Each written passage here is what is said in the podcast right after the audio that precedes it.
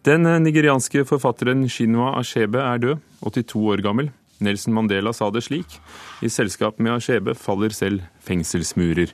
Helge Rønning, professor ved Universitetet i Oslo, som har lest alle bøkene hans og kjente ham.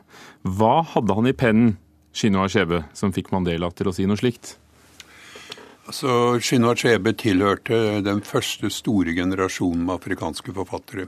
Og eh, hans program var at han skulle skrive Afrika, Afrikas historie gjennom personlige skjebner. Og Det begynte han med da han skrev sin første roman, som heter 'Things Fall Apart' på engelsk. 'Mønsteret rakner' på norsk. Som handler om hva som skjer i en liten eh, landsby i Øst-Nigeria i det øyeblikk de hvite for alvor setter seg fra, fast i Nigeria. Og Det er da historien sett fra de kolonisertes side, og ikke fra erobrernes side. Og Det handler om hvordan et samfunn, som da er et samfunn som har sine styrker og svakheter, på en måte faller sammen når man møter inntrengere. Og denne kom i 1958, to ja. år før britene forlater Nigeria. Mm -hmm. På hvilken måte har han vært eh, et vitne til, eh, til at kolonimaktene trakk seg ut av Afrika? Ja, For det første fordi han jo vokste opp under kolonitiden. Han var jo født for 82 år siden. Og han gikk på skole i eh, det britiske koloniveldet. Hans uh, selvbiografi, barndomsbiografi, heter uh, 'Oppveksten til en britisk beskyttet barn' og er en skildring av hva det vil si å lære seg engelsk, hva det vil si å gå i en kolonial situasjon, og dermed være fanget mellom kulturene. Det er i det hele tatt et veldig viktig tema i hele hans forfatterskap. Det er hvordan man møter kulturer, og hvordan man er fanget mellom kulturer. Så hvor mye er han en britisk forfatter, og hvor mye er han en nigeriansk-afrikansk forfatter? Han er klart en nigeriansk-afrikansk forfatter som stort sett har skrevet på engelsk. Men det er jo en del av den engelskspråklige litteraturens store styrke for tiden, det er jo det at de viktigste forfatterne kommer ikke nødvendigvis fra Storbritannia, de kommer fra det gamle koloniveldet. Og det er jo det fleste, de flesteparten av dem som har vunnet Booker-prisen, er jo faktisk forfattere som kommer utenfra England som England. Apropos hvis da Salman Rushdie har noe indisk i sine fortellinger, hva er det som er afrikansk ved Achebe sine ja, fortellinger? Altså, I Achebes eh, romaner så er det for det første tema som handler, de handler om Afrika. Og de handler om det afrikanske perspektivet på afrikansk historie, ikke på vårt perspektiv.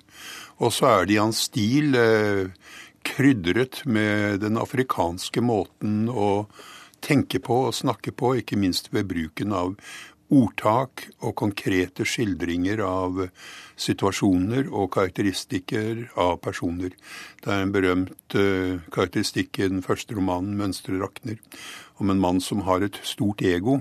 Og da står det at han prøvde å fly høyere enn sitt eget ski, og det er en del av En ski er den på vår personlighet som på en måte sitter som en fugl i oss. Og hvis man prøver å fly høyere enn ens egen ski, så strekker man seg utover sin egen begrensning. Og det er jo det samme som eh, de greske kalte hybris, ikke sant.